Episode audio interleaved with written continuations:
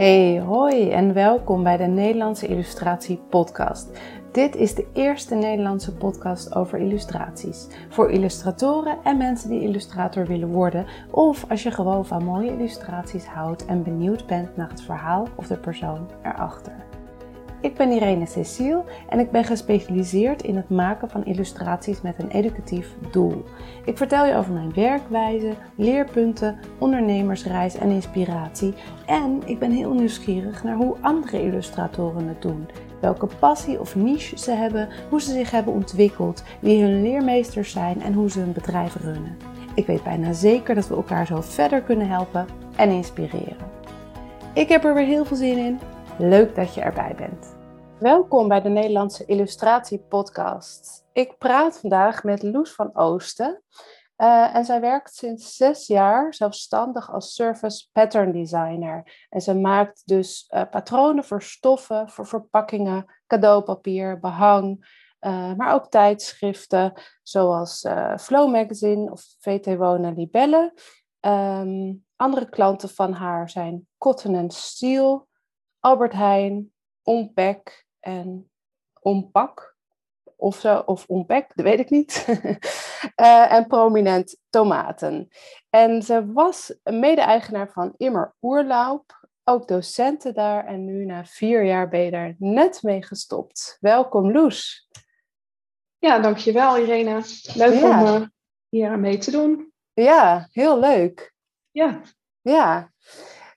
En vertel eens, want jij bent service pattern designer. Wat is dat precies? Wat moeten we ons daarbij voorstellen? Uh, een service pattern design is eigenlijk een herhalend patroon. Mm Dus het is eigenlijk een, een motief of een illustratie die je in een herhaling zet en, en die gebruikt wordt voor op producten. Dus dat kan zijn, uh, eigenlijk is het om producten te verfraaien en op die manier uh, meer interesse of een product interessanter en aantrekkelijker te maken. Ja, en dat kan dus inderdaad voor stoffen zijn of voor inpakpapier, kleding. Of zijn er nog. Eigenlijk op alle producten. Ja. Um, mits het, uh, het doel van het product uh, is dat het, uh, dat het, dat het een, een dessin, dat het waarde toevoegt aan een product. Maar ja, kleding, verpakkingen, stoffen, ehm, maar ook servies of kaarten. Of het kan eigenlijk bijna overal op. Ja, ja precies. En um, jij focust je dan vooral op uh, stoffen en cadeaupapier. Nou, en, en dus patronen voor uh, tijdschriften, maar ook verpakkingen. Zijn er dingen? Hoe, ja, hoe moet ik dat zien? Hoe, hoe ben je hierin gerold en waarom doe je andere dingen dan niet? Of hoe... Nee, ik, ik, ben een, ik kies er niet voor om per se die productgroepen te, uh, te doen. Maar die productgroepen zijn op mijn pad gekomen. En op die manier ben ik daar ingegroeid. En het is voor mij wel de bedoeling dat ik uh, in de toekomst de productgroepen ga uitbreiden. Ja, ja. en waar, waar denk je dan aan? Wat voor soort Hmm, nou, dat maakt me eerlijk gezegd niet zoveel uit. Het lijkt me heel leuk om bijvoorbeeld uh, uh, nog meer behang te doen of uh, op keramiek of, um, of stoffen te gaan weven. Eh, eigenlijk, ehm, ja, het, ik vind het eigenlijk gewoon interessant om iedere productgroep soort van aan te raken en te kijken wat daar nog mogelijk is. Ja, ja, want het lijkt me ook, als je het dan hebt over stoffen weven, dan moet je ook waarschijnlijk op een hele andere manier weer gaan ontwerpen. Ja, en uh, als dat gevraagd wordt, dan gaan we op dat moment nadenken. Ja, precies. Eén voor één. Ja. Wat vertel eens, hoe is je achtergrond? Hoe ben jij gekomen waar je nu bent? Sowieso ben ik begonnen op de MTS voor mode en kleding. Daar ben ik uh, kleermaker geworden. Dus uh, daar heb ik heel veel stof in mijn handen gehad. Mm -hmm. uh, en uh, heb ik ook geleerd zeg maar, hoe je iets moois kunt vervaardigen, zeg maar. Dus je iets moois kunt maken. Ik heb daar ook geleerd wat je, ja, dat ik met mijn handen mooie dingen kan maken. Dat, dat ik oog heb voor detail. En dat ik. Het is ook, daar is het vertrouwen ook gegroeid in dat ik iets met mijn handen kan maken. En dat er wel een, een goede afloop is, zeg maar. Ja. ja. Uh, en ik heb daar ook geleerd dat er heel veel plezier uit haal. Dus dat ik, ja, dat ik heel dicht bij mijn creatieve ja, kern kom. Um, als ik het zo mag omschrijven. Um, en vanuit de MTS voor Mode en Kleding ben ik naar de Design Academie gegaan. Uh, op de Design Academie word je opgeleid tot uh, uh, productvormgever of toegepast kunstenaar. Dat is een beetje zeg maar, de richting die je uiteindelijk opgroeit. Um, want ik vond het heel interessant om ook andere productgroepen te onderzoeken van wat kan ik daar nog meer mee. Ja. En in het, zeg maar, op de academie heb ik ook ontdekt dat ik zeg maar, de fase van schetsen, um, zeg maar, je ideeën uiteindelijk beeldend maken door middel van schetsen. Dus eigenlijk je, hè, de ideeën in je hoofd concreet maken op papier. Dat ik dat eigenlijk de allerleukste fase vind van het hele ontwerpproces. Ja, ja. En wist je toen dus ook van, is dat dat je toen dacht van nou dan ga ik dat groter maken door inderdaad. Uh... Nee, totaal niet. Ik wist nou helemaal niet wat ik naar de academie wilde. Um, ik had wel het gevoel dat ik zelfstandig ondernemer wilde worden. Mm-hmm. Maar ik had ook het idee dat ik nog heel bleu was en eigenlijk helemaal nog geen idee had van hoe de wereld in elkaar steekt. Um, dus ik heb wel vrij snel daarna de beslissing genomen om uh, in bedrijf te gaan werken waar je creatief bent op een commerciële, in een commerciële omgeving. Ja. Uh, en daarvan heb ik de, afgelopen, de laatste tien jaar voordat ik zelfstandig ben gaan werken, gewerkt bij de um, uh, concept store van IKEA in mm -hmm. Delft. En daar heb ik de producten uh, daar was ik visual merchandiser en daar heb ik geleerd om de producten op zo'n manier te presenteren dat ze aantrekkelijk zijn om te kopen. Ja, en waar moet ik dan aan denken? Wat visual merchandiser dan? Weet ik niet gelijk precies wat je dan doet. Nee, je gaat het product, je neemt het product in je handen. Je mhm. gaat kijken wat is er, wat is er bijzonder aan dit product? Wat is bijvoorbeeld uh, en hoe ga ik dat aan jou laten zien, zodat jij denkt, ik wil dat kopen? Ja, ja. dat is eigenlijk uh, de kern van visual merchandising. En daar hoort ook bij de routing van de winkel, uh, schappen, plannen maken, ook de verlichting. Eigenlijk de, het hele, de hele set, zeg maar, mm -hmm. uh, van elementen die ervoor zorgen dat jij in een soort koopstand komt. Dus jij, dat jij denkt, oh, dat product staat op zo'n manier in het vak dat het heel aantrekkelijk is, met een lichtje erop. Dus je, je wordt er naartoe geleid en je denkt, ik gooi het in een mandje. Ja, ja. En, en, dat, en, en jij focuste je dus vooral in de winkel. Van hoe, hoe, hoe staat het daar? Niet per se op de catalogus of uh, de website, maar echt Echt in de winkel. Dus ja. dat was eerst een gedeelte plannen en daarna een gedeelte uitvoeren. Ja, ja. Wat leuk, en wat grappig. Het, het, gedeelte wat daarna komt, is misschien wel het meest leerzame. Want dan gaat de verkoopafdeling, komt met een lijstje en die gaan zeggen, dat product loopt wel en dat product loopt niet. Ja. En, en doordat er gewoon direct een soort piekenbuis naast gehangen wordt, uh, word je in een soort sneltreinvaart opgeleid op commercieel niveau. Ja, ja. En zijn er dingen die je toen hebt geleerd waar je nog steeds heel veel aan hebt? Alles. Alles. Noem eens een voorbeeld. Wat, ja, ik, het is denk ik gewoon een commerciële. Het gevoel voor commercie. Het gevoel van wat verkoopt. Hoe verkoopt het? Uh, hoe verkoopt het? Uh, wat voor dingen verkopen goed? Uh, wat voor kleuren lopen goed? Ja, het is heel breed eigenlijk wat ik daar geleerd heb. Mm-hmm. Maar ik heb geleerd om iets te verkopen. En ik denk ja. dat dat ja. het allergrootste uh, leermoment is ja. geweest. Wat ik iedere dag toepas. En eigenlijk vooral de laatste twee jaar me echt heel bewust van ben. Oh ja, dat is echt een, een gouden, ja, een gouden, uh, hoe heet dat? Skill. Of uh, ja, kijk, je kan mooi werk maken, maar je moet het ook verkopen. Ja. En is dat dan vooral um, uh, als je met opdrachtgevers in gesprek bent, of ook hoe jij je werk op Instagram of iets dergelijks presenteert, of allebei? Ja, het gaat natuurlijk eigenlijk door alle lagen van je onderneming. Mm de keuze bijvoorbeeld om onderwerpen te kiezen die een heel breed publiek aanspreken. Dat is één.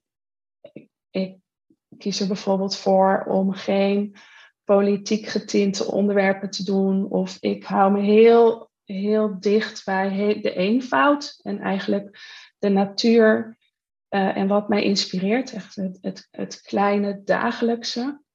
Um, en dat is herkenbaar voor mensen van over de hele wereld. Mm -hmm. uh, een, een klaproos. Er zijn maar weinig mensen die denken, oh, een klaproos. Nou, daar word ik heel, uh, word ik heel boos van of heel verdrietig. Of uh, nee, het is gewoon een soort happy vibe, een soort positieve, een positieve boodschap. Um, en, en, dat vind ik fijn om, uh, om, om te delen. Mm -hmm. maar het, is, ja, het werkt in heel veel door. Dus ik ben even de vraag kwijt, sorry. we hadden het over nou, hoe je, want je vertelde dan bij IKEA dat je, of in de, in de concept store, dat je um, heel erg hebt geleerd om te verkopen. En, oh ja. ja. Uh, bepaalde kleuren en wat werkt dan en wat werkt niet. En hoe je dat dan nu in je dagelijkse praktijk. Um, ja, nou, bijvoorbeeld uh, op mijn Instagram, uh, Instagram pagina. Ja, ik, ik weet wat mensen fijn vinden. Dus ik weet bijvoorbeeld dat mensen een redelijk hoog contrast fijn vinden. Um, licht, luchtig, aantrekkelijk. Um, en daar speel ik mee. En dat, het is niet altijd zo dat het me lukt om dat ook te presenteren, maar ik weet wel waar ik naartoe moet. En mhm. ook in uh, gesprek met opdrachtgevers um, probeer ik me ook op te stellen vanuit die commerciële um, vanuit het commerciële oogpunt. Dus ik ben niet alleen zeg maar, de toegepaste kunstenaar, uh, maar ook degene die aan jou gaat vragen: Ik wil weten wat zijn je bestsellers? Welke kleuren hebben die bestsellers? Wat is de density van die bestsellers? Um, en waarom denk je dat die producten bestsellers zijn? En uiteindelijk gooi ik dat allemaal in in een soort hoge hoed. of uh, ik zeg ook wel eens een soort pan waar je alle ingrediënten in, in stopt. Dan ga ik roeren en dan laat ik het los. En dan ga ik mijn eigen dingen mee doen. Dus ja. ik gooi alle ingrediënten erin. Maar uiteindelijk zijn die niet volledig leidend in het creatieve proces. Want ik hou wel vast aan mijn eigen, eigen werk. Ja, maar dat is dus, dus, dus je vraagt aan je opdrachtgever, dus bijvoorbeeld aan, aan Cotton Steel, vraag je dan wat zijn jullie bestsellers? En daar, dus het is ook een beetje dat je je afstemt op hun merk, op hun, hoe zij in de markt staan, wie, uh, wie hun producten kopen en daar pas je aan aan. En uh, datzelfde doe je dan bij Albert Heijn en dan komt er weer iets heel anders uit. Ja, nou de vragen zijn sowieso heel verschillend per bedrijf. Mm -hmm. bedrijf werkt met een hele strakke briefing. Um, nou, daar zit relatief weinig uh, ruimte in een opdracht om, uh, om te bewegen, zeg maar. Dus dan, dan word je redelijk strak een bepaalde kant op geleid. ook daarin probeer ik altijd wel zeg maar, de grenzen op te zoeken. Dus te kijken in hoeverre ik dat toch naar mezelf toe kan trekken. En bij sommige opdrachtgevers krijg ik eigenlijk gewoon een vrije hand. Ja. Dus bij Cotton Steel uh, krijg ik nu geen opdracht meer. Ik krijg gewoon, heb je nog mooi werk? Ja, oké. Heb, heb, je nog een collectie? Ja, dus dan kan jij inderdaad, ja, bij wijze van spreken in je vrije tijd, maak je dingen en dan geef je dat of bied je dat aan van hier, ik heb weer een stapel uh, een stapel stoffen voor jullie. Wel, ja, ik probeer wel het tijdsbeeld. Uh, want dat vind ik heel interessant. Mm zeg maar, waar staan we nu? Wat vinden mensen nu interessant? Waar, waar is behoefte aan? Um, dat probeer ik wel altijd te vangen in mijn ontwerpen. Ja. Ehm, want dat sluit ook weer aan op de algemene gemoedstoestand. Of mm -hmm. hoe het noemen. Um, herkenbaarheid. Ja, het heeft ook natuurlijk weer veel met verkopen te maken. Het, het moet aansluiten. Ja. Want, hoe, want dat, dat, we hebben eerder, we hebben even een soort voorgesprekje gehad. En toen zei je ook dat je, je bent gewoon goed in het herkennen van trends. En je vertelde toen dat je voor lente 2022, dus dat is nou over iets minder dan een jaar nu we dit opnemen, heb jij al een collectie ontworpen. En ja. jij weet dus al waar wij, of hè, je, je, je hebt in ieder geval groot vermoeden, waar wij met z'n allen op dat moment blij van worden. Hoe, hoe weet je dat? Of hoe voel je dat aan? Of wat is dat? Ja, ik heb natuurlijk geen glazen bol. Mhm. Ehm, maar ik denk dat het een combinatie is. Ik ben hoogsensitief. Um, dat betekent dat je uh, prikkels van buiten eigenlijk harder binnenkomen. Dat kan zijn in de positieve zin eh, als in de negatieve zin. Hè. Als je heel hard geluid hebt, dan kan ik daar misschien eerder dan een ander die niet hoogsensitief is, daar heel veel last van hebben en uh, dat er energie weglekt. Um, maar ik, ik, gebruik het ook voor mijn werk in de positieve zin. Dat heb ik eigenlijk geleerd um, de afgelopen jaren om dat in te zetten. Uh, ik, ik heb een interesse in trends. Ik vind het heel interessant zeg maar, waar de wereld naartoe gaat. En om dat een soort van te benoemen. Um, en trends zijn daar een soort van uh, voortvloeisel uit. Dus het is een soort, ja, het is gewoon de, uh, waar mensen behoefte aan hebben. Dat gaat zich uiteindelijk uiten in vertalingen, in ontwerpen en in kleuren bijvoorbeeld. Um, en als we het dan hebben over de, uh, de Wild and Free collectie, die ik voor Cotton Steel net heb uh, neergelegd. En die, dus, zo... die is dus voor lente 2022? Ja, die is voor lente 2022. Maar die wordt gepre-ordered in de herfst. Oh, oké. Ja. Um, dus probeer ik het gevoel wat in de herfst uh, zeg maar, is, probeer ik te vertalen. Ik probeer dat gevoel te vertalen in een collectie. Ja. Ik denk dat we nu allemaal voelen dat we zijn allemaal gevaccineerd. Die hele COVID-periode was best wel beklemmend. En best wel, um, ja, heeft heel erg tegengehouden om vrij te kunnen bewegen. En um, ja, ik denk dat we allemaal behoefte hebben om het leven te vieren.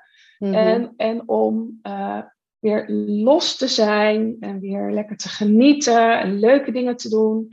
Een soort los te breken van de, van de afgelopen tijd. En dat is wat ik dan leuk vind om te gebruiken, bijvoorbeeld in het maken van een nieuwe collectie. Om dat soort van te vertalen in een, in een beeldverhaal. Ja, en hoe ziet dat er dan uit? Hoe, eh, want ik, ik, ik snap het gevoel van het, het wild and free, het losbreken en weer, we mogen weer. Uh, en wat, um, hoe, hoe vertaalt dit dat zich in jouw ontwerpen? Wat, wat zien we dan straks op jouw stoffen staan? Um, nou, sowieso zijn mijn stoffencollecties eigenlijk altijd, hebben altijd als thema de natuur. Mm -hmm. um, en ik probeer zeg maar in een beeldverhaal een collectie neer te zetten. En uh, deze collectie is een beetje een samenloop van mijn eigen nieuwsgierigheid en ontwikkeling om meer illustratief te werken. Dus ik heb hiervoor in de afgelopen lente een hele uh, bijna art deco-achtige collectie neergezet. Maar deze collectie wilde ik heel graag niet blokprinten, maar gewoon digitaal tekenen meer illustratief. En er zitten um, losgebroken paarden in. Dus uh, galopperende paarden, ja. um, opvliegende vogels, uh, een, een Liberty pattern. Liberty pattern is een hele kleine, een heel klein bloemdessin. Dus alsof je in een veld van bloemen staat. En een hele sfeer is, zeg maar, uh, kleurrijk, uitbundig, wild, uh, vol. Um, ja. Zeg maar, in een collectie dessins werk je altijd met vormen, dus met een thema, maar is kleur eigenlijk net zo belangrijk. Want ja. kleur heeft zo ongelooflijk veel zeggenschap. Um, met, vaak kan je alleen met kleur al een bepaald gevoel duiden. Precies. Ja. Ja. ja. En uh, trends, dat vind ik altijd uh, zo grappig dat, dat, dat mensen dan zeggen, ja, over een jaar zijn we allemaal gek op uilen of op kevers. Heb jij dat ook? dat je dat dan aanvoelt? Flamingo's. Um, ja, dat voel ik wel aan. Uh, maar ik vind het niet altijd leuk. Nee. Dus uh, als ik iets als ik aanvoel van dit, deze zomer is bijvoorbeeld in bijna alle collecties heel veel fruitessens.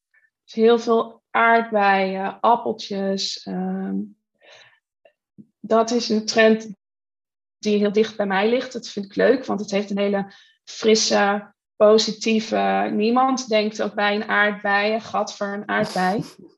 iedereen heeft daar een soort van zonnig, zonnig en uh, positief gevoel bij. Dus dat ligt heel dicht bij mij. Dus in augustus komt er een collectie uit die volledig uh, het fruitthema heeft. Mm dat is dus zeg maar bedacht dik een half jaar geleden. Ja, ja, ja, ja, mooi, leuk. Ja. Ik, vind, ja, ik, vind dat, ik vind dat heel grappig om dat zo. Uh, um, ja, vooral specifieke dingen, zoals, nou, het, het was zo'n periode dat uilen heel erg uh, in waren. En dat, ja, um, ja ik weet nog, uh, uh, Liedewij Edelkoort, die ook bij de Design Academy ja. Ja. verbonden is. Zij had het toen voorspeld. Dus ik had dat van haar gehoord. En toen was het ook zo. En dat ik dacht, hoe weet zij dat?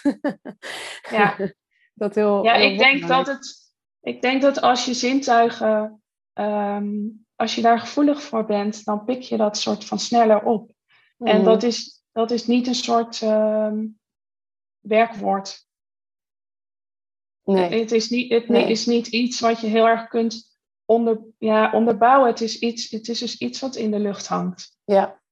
ja en dus dan heb je ook nog, zeg maar, dat je als vormgever, en dat is wel iets ook wat ik op de academie heb geleerd, is je hebt zeg maar trends. Maar je kunt zeg maar helemaal voor in de trend zitten. Dan snapt nog niemand wat je doet. Dan ben je echt die trendsetter. Je hebt zeg maar op de trend, dat is eigenlijk hetgene wat nu gebeurt. En je hebt trendvolgers. En de trendvolgers is een gigantische grote groep. Die zeg maar erachteraan loopt. En die zeg maar op een later tijdstip willen hebben wat bijvoorbeeld nu een trend is. Ja. Dus dat is bij mij ook heel belangrijk dat ik van een bedrijf weet, waar zit jullie, waar zit jullie doelgroep? Zit ze voorin, op de trend of na de trend? Ja, ja. Ik kan wel ontwerpen neerleggen die voor in de trend zitten, maar als hun publiek, hun, hun, uh, koop, hun klanten niet snappen dat dat eraan gaat komen, ja, dan is het dus ook mis. Ja, ja. Dan ben heb je ook misgeschoten. Ja, precies. En ik kan me voorstellen bij een bedrijf als Albert Heijn, dat heeft natuurlijk een heel breed publiek, dan moet je meer op of na de trend gaan zitten. Of... Nou, ik moet zeggen, zo'n opdracht is voor Albert Heijn, dan bepaalt eigenlijk het designbureau al min of meer, um, zeg maar, het, het beeldverhaal. Uh, okay. Dus je krijgt dan heel erg een richting. Dus het is meer in mijn vrije collecties uh, dat ik uh, dat vooral vraag. Ja, ja, ja, precies. Eigenlijk uh, designbureaus die werken voor grote supermarkten, die hebben daar zelf al een visie op. Dus daar ja. hoef ik verder niet zo heel veel over na te denken. Ik krijg gewoon een opdracht. Wij willen graag dat je zoiets maakt. Ja, Ja, en dan krijg je al... In jouw, op, in jouw, in jouw uh, handschrift. Ja, precies. Ja. Ja. En nog even terug, uh, want we, we, je had, hoe, jij, hoe jouw pad is geweest. Dus je hebt Design Academy gedaan. Daarna ben je visual merchandiser bij uh, IKEA geweest. En mhm. ergens heb je die stap gemaakt naar het zelfstandig ondernemerschap. Hoe is dat gegaan? Um, een beetje na acht jaar bij IKEA. Ik werd steeds meer vermoeid. Ik ben uh, ziek geworden. Uh, dat had allerlei oorzaken. zwangerschappen die niet helemaal gelopen zijn zoals ik had gehoopt. Um, dat ik nog niet wist dat ik hoogsensitief ben. ik sliep slecht, werd eigenlijk steeds moeier. Ik kon eigenlijk mijn rug niet meer recht houden. Mm. En ik ben daarna twee jaar ziek geweest, of eigenlijk drie jaar ziek geweest. En ik ben ook ziek bij IKEA weggegaan. Um, ik heb eigenlijk altijd geweten dat ik een eigen bedrijf zou gaan starten. Ik wist alleen nog niet met wat. Ja.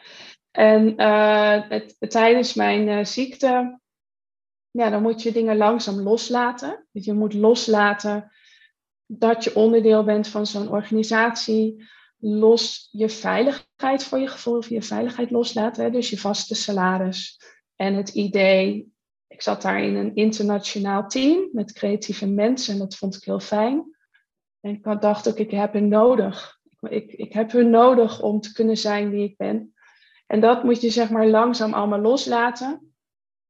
En uiteindelijk ga je dan, als je dan weer een beetje aan gaat herstellen en dingen hebt losgelaten, uh, dan ga ik bedenken van nou, ja, wat zou ik dan, wat zou ik dan nu willen? En ook wat heb ik geleerd? Ik heb geleerd dat ik hoogsensitief ben. En dan kom je al vrij snel tot de conclusie dat werken bij IKEA best wel een soort van de kat op het spek binden is. Want er is, als er ergens veel prikkels zijn, dan is het wel in een IKEA. Mm Ja.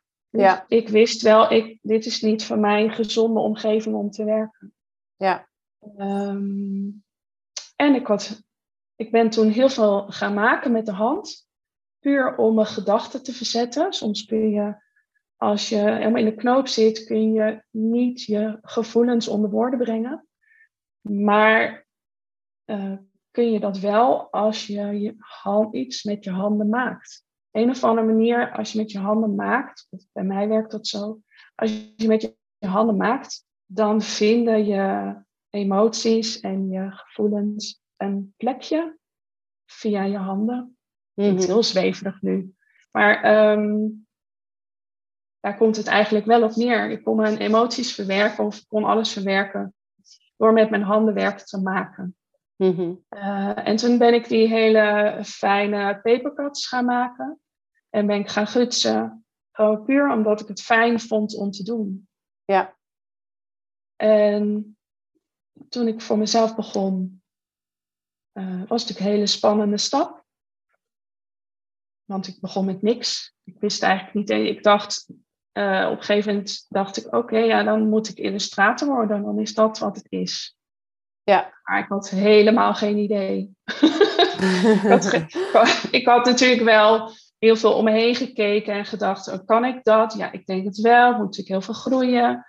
Uh, maar de eerste keren dat ik mezelf illustrator noemde, voelde ik me echt ja, een bedrieger. Mhm. Ik dacht, oh, wanneer gaan ze erachter komen dat ik helemaal geen illustrator ben? ja. maar goed, je moet voor jezelf op een gegeven moment een, uh, ergens een stok achter de deur zetten. Om het ook te gaan doen. Mhm. Eh, en toen ben ik eigenlijk uh, gestart vanuit een traject uh, bij het UWV. En die hadden als ehm, Ehm, die hadden als voorwaarde dat je een, ehm, een businessplan maakt. Mhm. Het leek me echt wel het allersaaiste ever om te doen. Het leek me echt vreselijk. Maar als ik heel eerlijk ben, dan is dat het beste wat ik ooit heb kunnen doen. Omdat je heel concreet in kaart brengt. Wie is mijn klant? Waar is mijn markt? Wat, waarmee ga ik, zeg maar, wat ga ik aanbieden waar ik een ander mee ga helpen? Ja. Ehm, hoe ga ik, dus vooral, het verdienmodel is natuurlijk gelijk uh, heel confronterend. Dat je denkt, oké, ik wil kaarten maken, sorry. ik wil kaarten maken en ik wil posters maken. Ik had zeg maar vier pijlers. Nou, ik kwam er natuurlijk al heel snel achter dat je ongelooflijk veel kaarten moet, uh, moet verkopen om uh, bijvoorbeeld aan mijn start, ik wilde graag in het begin 500 euro per maand verdienen. Dat was al een soort van minimum wat ik uh, in moest brengen hier thuis. Mm-hmm. Dus dat was voor mij gelijk een hele goede stok achter de deur om dingen te doen waar je eigenlijk misschien helemaal nog niet klaar voor bent. Ja, ja, precies. kwam ik al vrij snel achter, oké, er zijn echt heel veel kaarten en heel veel posters die je moet verkopen. Is dat realistisch? Ja. Um, en daar kwam je dus al achter in de fase dat je dat businessplan aan het maken was. Ja. Ja. ja, want dan ga je gewoon eigenlijk een soort calculatie maken. Wat kost een kaartje? 1,25, zeg maar wat. Mhm. Hoeveel uh, inkoopsprijs zit erbij? Nou ja, zo maak je de som. En dan ga je kijken, oké, als ik dus 500 euro volgende maand 500 euro wil verdienen, hoeveel kaartjes moet ik dan verkopen? Ja. Nou, dan kom je 500 tot de conclusie. Uh, ja. Nou, nog lang niet, hè? Nog veel meer. Oké, ja. dus, um, en toen heb ik bedacht, van, nou dan, dan ga ik me nu eerst richten op het delen van mijn passie en hetgene wat ik al deelde, wat ik al een jaar deelde op Instagram. En dat is eigenlijk het maken van papercuts, het maken van lino-snedes, dus ik ben begonnen eigenlijk met het, met het geven van workshops. Oké, ja. Omdat ik zag, ik gaf al aan vriendinnen les. Die hadden zoiets, oh, vind ik ook leuk. Wil jij mij leren hoe dat werkt? En toen kwamen er vriendinnen van vriendinnen. En op die manier was dat eigenlijk een soort een hele logische stap om, uh, om, om als eerste mijn geld mee te verdienen. Ja, ja. En het idee was dat ik, uh, zeg maar, met het geven van workshops um, ten eerste een groter publiek kan bereiken, um, anderen kan inspireren. En dat het me ook de financiële gelegenheid gaf om mijn opdrachten langzaam te laten groeien in een richting die ik graag wil. Ja, ja. Ja, ja, precies. Doordat je dit, je had dit als basis en dan kon je daarnaast kijken wat er bij jou past qua opdrachten. Ja. Ja. Ja. ja. Mooi. Ja, toen was je begonnen.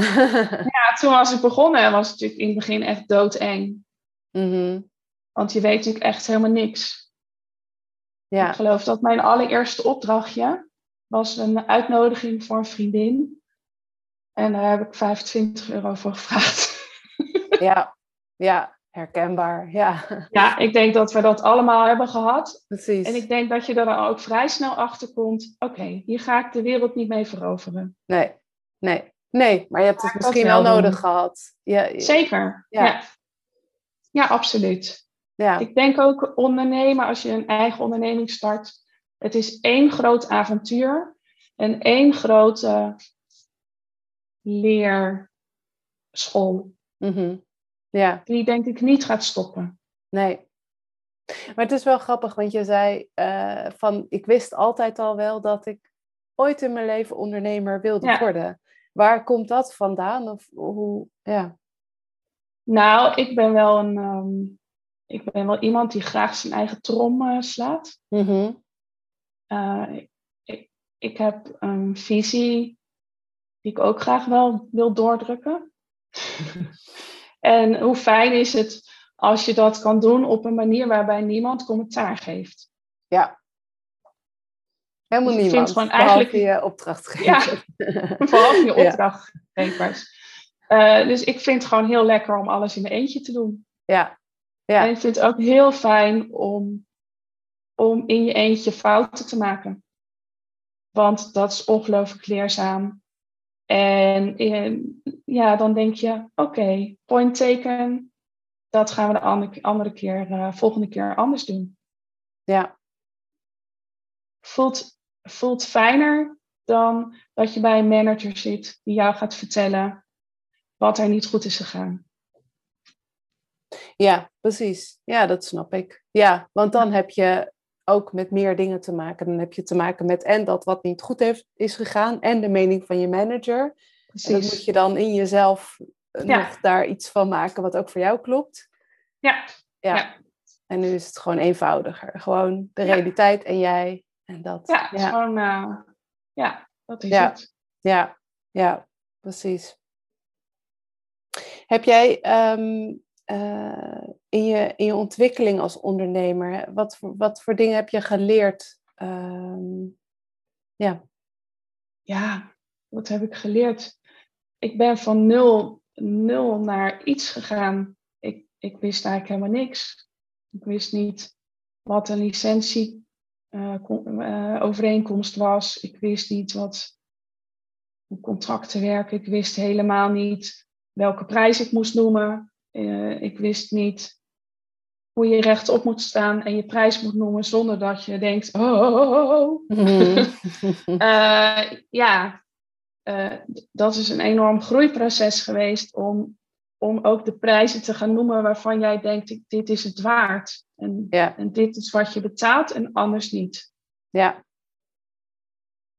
Um, dus ja, gigantisch gegroeid als ondernemer. Ik dacht ook toen ik begon van, die opdrachten kan ik wel aan, qua creativiteit en communicatie. Maar kan ik ook dat, dat, dat financiële deel, kan ik dat wel, um, kan ik dat wel überhaupt? Ja, ik had het gewoon nog nooit gedaan. En ik kom uit een gezin um, waarin mij geleerd is, je moet gewoon voor je veiligheid kiezen. Zorg dat er altijd geld is om je huur of om je huis en je eten te betalen.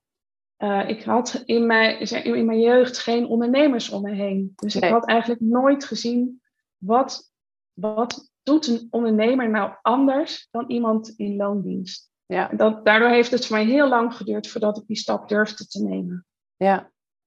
En hoe, want je vertelt van dat je inderdaad het vooral op het financiële stuk lastig vond. Van hoe, hoe, sta ik voor mijn prijs eigenlijk? Of hoe vraag mhm. ik rechtop uh, ja. wat ik waard ben? Hoe heb, je, hoe, is dat, hoe heb je dat uiteindelijk geleerd? Heb je daar uh, boeken over gelezen? Hebben mensen je geholpen? Of hoe... Ik heb in het begin vooral uh, heel veel mensen benaderd en gewoon gevraagd: help, help, mm -hmm. ik weet niks.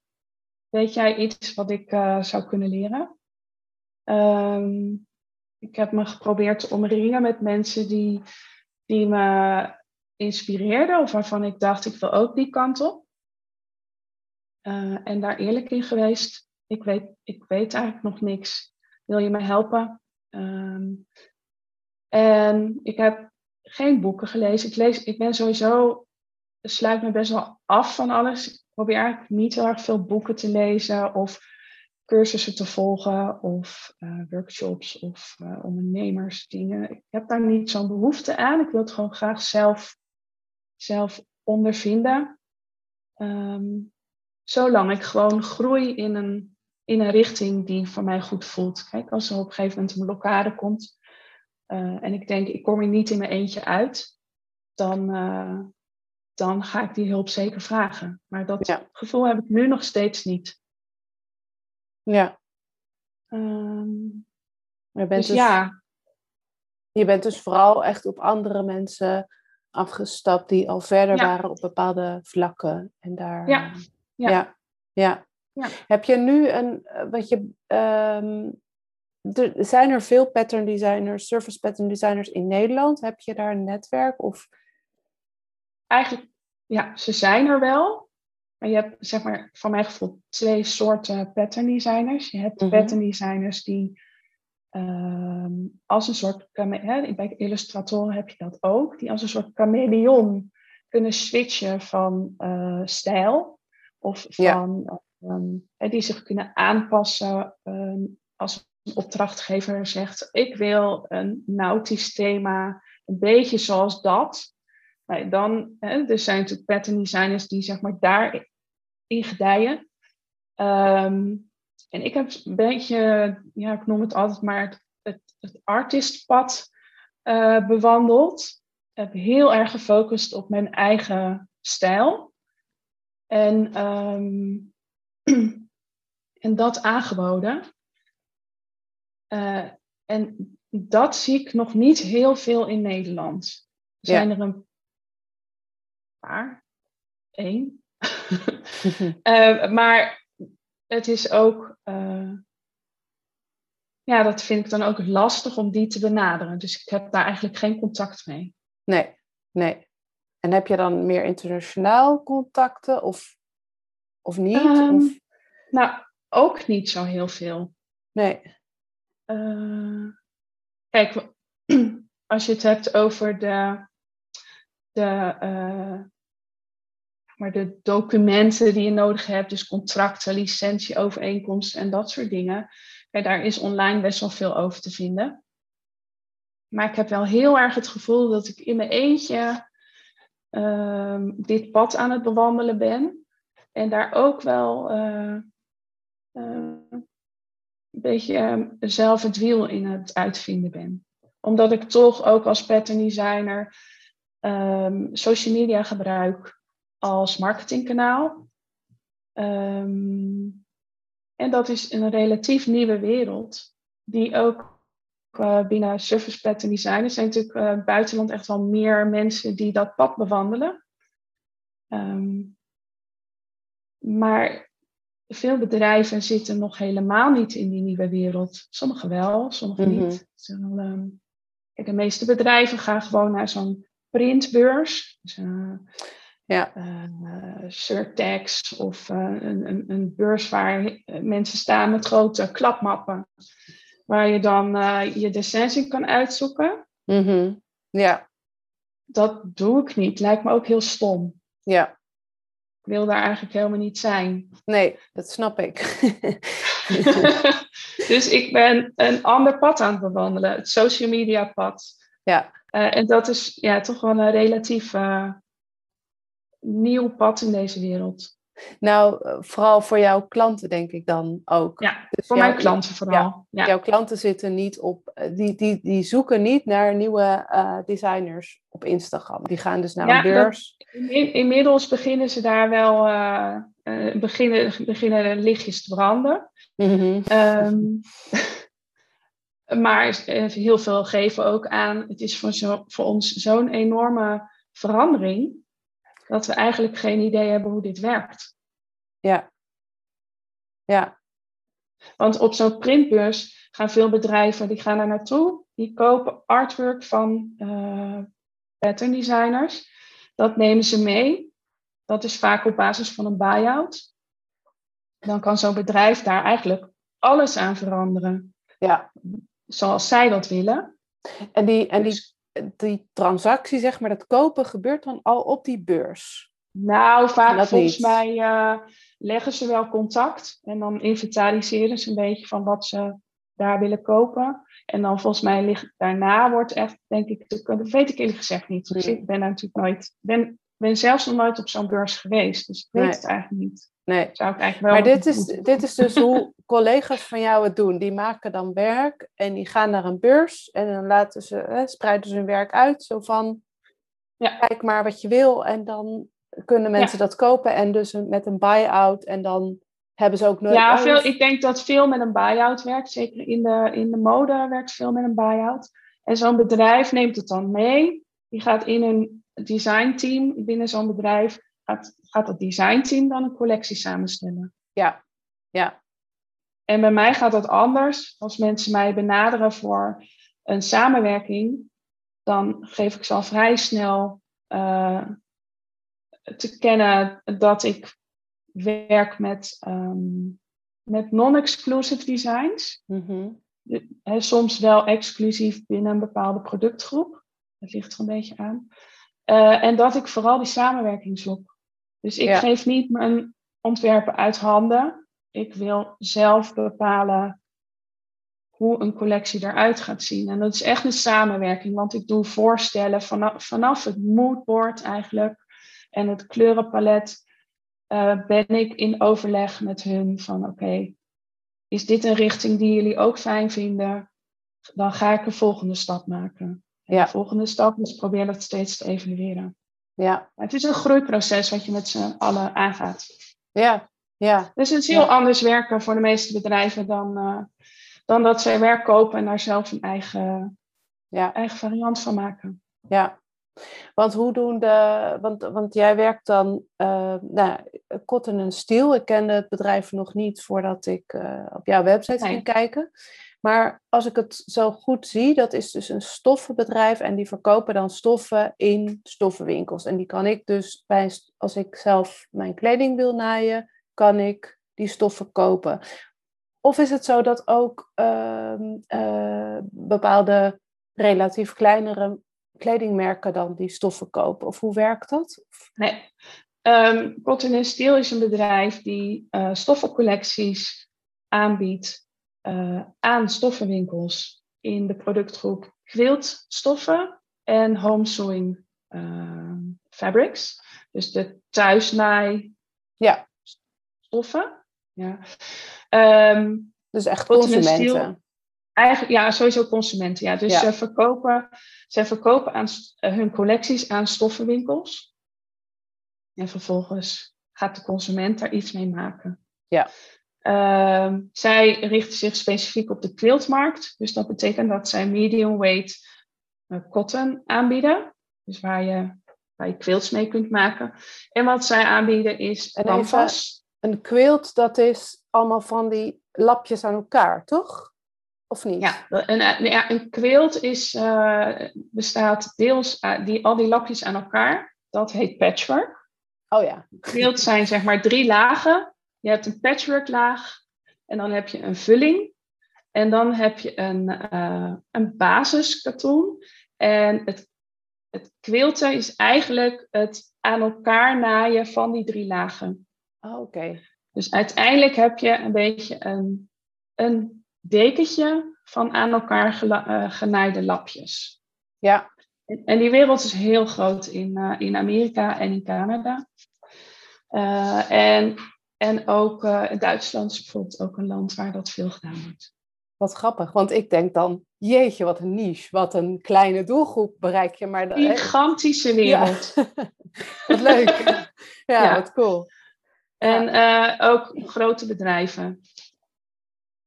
Dus, ehm, uh, en wat het voordeel is van, van die markt, kijk, zij brengen iets van 30 collecties per jaar uit. Mhm. En dat doen hun concurrenten ook. Ja. Uh, en die wereld werkt eigenlijk op zo'n manier dat de levensduur is vrij kort. Dus eigenlijk um, uh, heel veel bedrijven hebben gewoon één levering. Dus stoffenwinkels krijgen één gelegenheid om dat in te kopen. En daarna wordt het niet meer bijgemaakt. Ja. Want dan staat de volgende collectie alweer voor de deur. Um, Cotton en Steel heeft wat langere, langere omloopsnelheid, dus die, die, die uh, orderen ook nog na. Dus mm um, maar goed, de, het, gaat, het is een hele snelle wereld. Dus er worden relatief veel collecties gemaakt en aangeboden. Ja. En dan is het natuurlijk de strijd tussen al je concurrenten. Want zo'n stoffenwinkel heeft maar één budget. Dus kiezen ze dan voor jouw stofcollectie of voor die van de concurrent? Ja. Dus die zijn altijd op zoek naar ander werk, nieuw werk, werk wat goed verkoopt.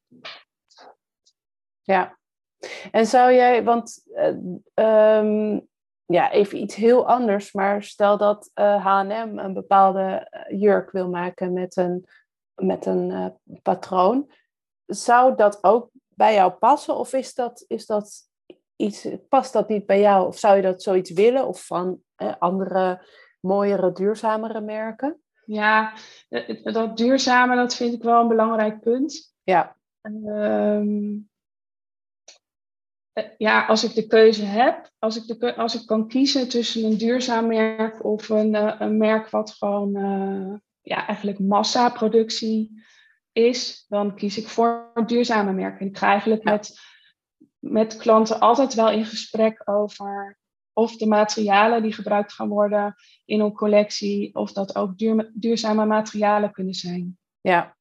Uh, ik ben wel van mening dat je als je in gesprek gaat met een groot bedrijf die nog niet duur, zeg maar, een, uh, een, ja, hun pijlen hebben gericht op duurzame uh, materialen, dan vind ik het ook wel een sport om daar even een discussie over aan te gaan. Ja.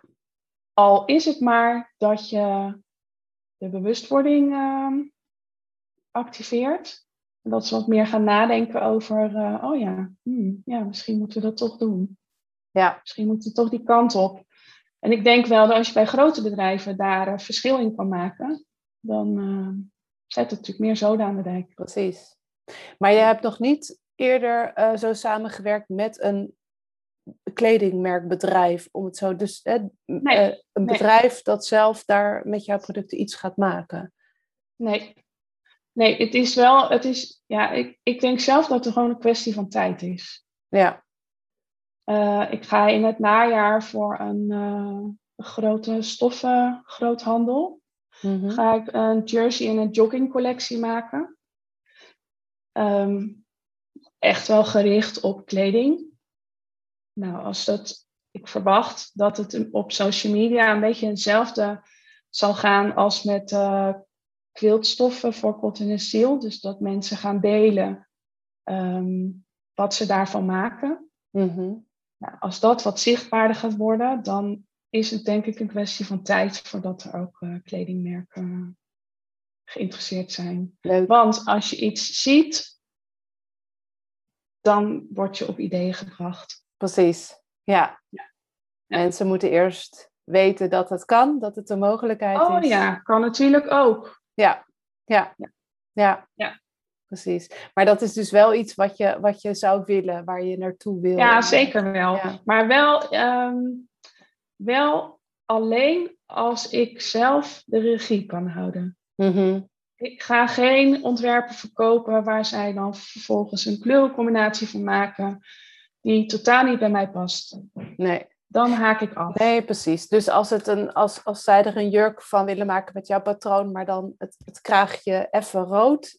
En jij Oh denkt, ja, maar ja, Dat, dat, dat, is, dat is prima. Als er maar niet aan mijn ontwerp wordt ge, Nee. getornd, zeg maar. nee. Ehm, tenzij ze natuurlijk vragen aan mij. Wij hebben een ander kleurenpalet in, in gedachten. Kan jij je voorstel doen om het in dat kleurenpalet te gieten? Ja. Ja, ja, Dus het zal maar helemaal afhangen van de voorwaarden. ja. Want gebeurt dat dan vaak dat je een, of, of nou niet bij jou dan misschien, maar bij collega's, dat je een patroon aanlevert en dat een opdrachtgever denkt, ja leuk, en we gooien de kleuren helemaal 180 graden om? Ja, als jij een buy-out doet, kunnen zij er alles mee doen wat ze willen. Ja, en ja, grappig. Ik Ja, het is natuurlijk ook logisch, maar ik, ik, ik zit helemaal niet in die wereld. Dus ik, Nee. ik denk dan, als ik een opdrachtgever zou zijn, zou ik zeggen, nou, dit zijn onze kleuren, maak iets in die kleuren. Dan hoeven wij er zelf niks meer aan te doen. Maar Nee, zo, want eh, vaak is een ontwerpteam in huis. ja, En eh, zoeken zij eh, een soort van inspiratie. Of, oh ja, dan kunnen we het zo doen. En dan willen zij daar zelf mee aan de slag. ja, ja, En dan is het natuurlijk eigenlijk heel irritant dat er een, een designer gaat zeggen, daarvoor gaat liggen en zegt: eh, Nee, nee, nee. Nee, ik wil Bordeaux rood. Ja, precies. maar zo eentje ben jij er dus en wel. er zijn geen boodschap aan. Ja, precies. Nee, ja, precies. Ja. Dus dan is het mijn klant niet. Ja, ja, ja, logisch. Ja. Ehm, ik zit even te kijken, want hoe, hoe ga je, als jij nu een opdracht krijgt, hoe ga je dan te werk? Hoe, hoe begin je? Wat, ehm, want je werkt dus met blockprints en dat zijn, ehm, ja, vertel, wat zijn dat? Blockprints zijn eigenlijk een soort grote stempels. En ja, ik, ik gebruik verschillende materialen om zeg maar, mijn ontwerpen vorm te geven. Maar ik vind eh, het gutsen in rubber heel fijn. Ehm, eigenlijk iedere techniek die je gebruikt heeft een andere lijnvoering. Dus het geeft echt wel een ander gevoel aan je, aan je ontwerp. Dus als je iets van uit papier snijdt, uh, dan wordt het heel clean. En ga je uh, iets gutsen, wordt het grover. Wordt het, uh, dan ga je natuurlijk ook nog met inkt afdrukken. Dus die inktafdruk, daar kan je ook mee spelen qua textuur en qua. maar ik doe bijvoorbeeld ook best wel veel tekenen met houtskoolpotloden. Die ook wel lekker die korrel geven. Oké, okay. ja. Dus uh, er zijn eigenlijk heel veel verschillende soorten technieken die ik een beetje door elkaar gebruik. Um, maar blokprinten is een, een afbeelding gutsen uit rubber uh, of uit uh, linoleum of uh, ja, je hebt verschillende materialen. En vervolgens ga je dat weer afdrukken. Dus ja. eigenlijk een lino-snede of een stempel, zo kan je het ook noemen. Mm, ja. En die, um, dan heb je dus op papier, maak je dan al een heel patroon of maak je dan, maak je dan een, een, dat je met die stempels al een patroon maakt of doe je dat achteraf in de computer? Nou, het is wel begonnen met dat ik zeg maar een, met, een, met stempels een patroon maak. Maar inmiddels is dat proces eigenlijk een beetje soort vloeibaar geworden. Dus soms, soms neem ik tijd om te experimenteren. Want als je, ik geloof heel erg in dat je vanuit het experiment tot nieuw werk komt. Je kunt met je hoofd een beperkt aantal ideeën uh, bedenken. Maar door te experimenteren ga je over die grenzen en kom je er misschien wel achter dat je ook dingen op een andere manier kunt oplossen. Of kom je erachter dat uh, iets heel goed werkt wat, wat je van tevoren niet had kunnen bedenken. Ja. Dus experiment vind ik belangrijk. Um, omdat het me ook uh, verrast. Want als je alles maar bedenkt, dan ben je dus ook heel vaak hetzelfde aan het doen. Ja, ja, precies. Ja. En dan ga ik me vervelen, dan vind ik het niet meer leuk. Ja. ja, dus lekker experimenteren en lekker. Ja. Ja. Knoeien, om het zo te zeggen. Ja. Ja. Ja. ja. ja. En ook uh, soms wordt er in een opdracht ook iets van je gevraagd waarvan je denkt: ik, ik heb dat helemaal nog niet, uh, ik kan dat helemaal nog niet. Mm -hmm. Of uh, dat je denkt: oké, okay, dat heb ik nog nooit gedaan. Ik, ik weet het niet, zou ik even moeten proberen. Ja, en wat is een voorbeeld? Wat, uh, um, in Amerika houden ze van kakelbontkleuren. Mm -hmm. En mijn werk is over het algemeen heel leeg. Heel leeg, overzichtelijk, eenvoudig. Um, en dan komen zij met voorstellen van kleuren in jouw ontwerp. Zo van, nou, we hebben even wat andere kleuren aan jouw ontwerp toegevoegd. Kijk, wij denken zelf aan dit. En het eerste wat ik dan denk, gatsie, dat is carnaval. Ja, ja. Maar wat ze eigenlijk vragen is, wij willen meer kleur. Ja. Dus dan is het aan mij om, om die, die vraag te vertalen op zo'n manier dat ik denk, hier hebben jullie meer kleur. Dit is mijn manier om meer kleur te laten zien. Ja, en dan is dus dan, het wel mooi, geen carnaval. Het kan op zo'n moment echt wel een, uh, een, ja, dat voelt echt best wel als een soort mes op je keel, want het moet dus onder druk in een opdracht wel ontstaan. Ja, ja. Ja, je wordt wel echt even helemaal uit je comfortzone geduwd. Ja. Ja. ja. ja. En ik, ik denk wel dat dat, uh, dat meebuigen, dat dat Mhm. heel belangrijk is, samenwerkingen. Dus dat je hoort wat de vraag is. Ja, En, uh, en dat je die probeert te vertalen in jouw, in jouw uh, handschrift. precies. En dat brengt je weer verder, want ineens heb jij iets gemaakt met meer kleur, waarvan jij dacht, hè, maar ik was toch degene die heel leeg en heel sec. En ineens ontdek je ook weer een richting van jezelf, dat je denkt, oh, maar ik vind het eigenlijk heel tof. Ja, en waar gaat dat dan nog meer naartoe? En dan is het toch ook een, een katalysator om je werk te laten groeien. ja, ja. Ja, grappig. Ja. Ja, wat ik ook, eh, want ik zat zo een beetje naar jouw werk te kijken. Wat ik ook heel grappig vind, is inderdaad, als je nu zo zegt, het is heel leeg. Je hebt ehm, eh, elementen overlappen bij jou nooit. Hè? Dus je hebt altijd. Het is Ja. nooit zo dat een, dat een, eh, eh, een blaadje voor een ander blaadje komt. Of dat. Ja, dat gebeurt wel, maar dan gebruik ik dat linoleumsnede of dat lino. En dan zit er toch een wit lijntje tussen. Ja, ja. en wat is dat? Waarom, eh, waarom doe je dat zo? Of wat? Nou, ik, ik experimenteer wel met zeg maar meer voorgrond en achtergrond.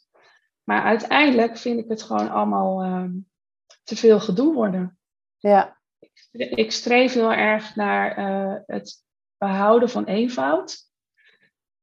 en wil ik eigenlijk de wereld om me heen een beetje ordenen. Zo simpel mogelijk maken. Ja. Heeft dat ook iets dan met hoogsensitiviteit te maken? Of?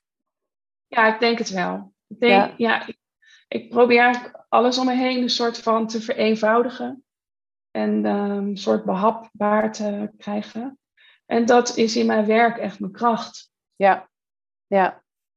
En ik, ik, ik vind het zelf wel heel grappig, want ik herken als ik naar mijn uh, kleding kijk, ik heb altijd of effe uh, stoffen aan.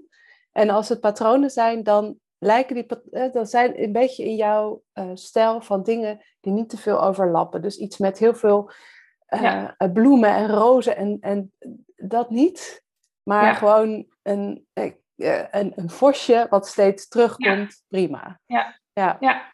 En ik denk ook dat, ja, ik denk, ik, ik heb nooit een officiële, maar ik, ik kan me denk ik wel vinden in het hoogsensitieve profiel. Ik denk ook dat dat iets te maken heeft met dat ik uh, dat wat aan mijn lijf uh, hangt, zit, dat ik dat gewoon rustig en simpel wil houden. Ja, en ik denk, ja, ik denk sowieso dat heel veel creatieven toch een soort van uh, gevoelig zijn. Mm -hmm. Ik denk ook Ehm, ja, daardoor sta je denk ik ook iets meer open voor nieuwe ontwikkelingen of nieuwe prikkels, dus nieuwe verbindingen. Ehm, ja, en alles waarmee je omringt zegt iets eigenlijk over jou, over, over wat jij nodig hebt, wat jij prettig vindt of wat jij fijn vindt. Ja. Dus het is ook, als ik, uh, ik ga nu dan bijvoorbeeld die collectie maken voor uh, jogging en jersey, die gaat echt wel anders zijn qua intensiteit dan mijn quiltcollectie. Ja. Kijk, mijn quiltcollectie, ik zou voor geen honderd jaar een dessin gaan dragen met hollende paarden. Ja, nee. maar zit dat op een stofje, op een leuke tas, of, dan is dat een heel ander verhaal. Ja. Dus het product bepaalt ook eigenlijk de hevigheid van een dessin of de kleuren of de, ja, de intensiteit. Ja. Iets wat je draagt.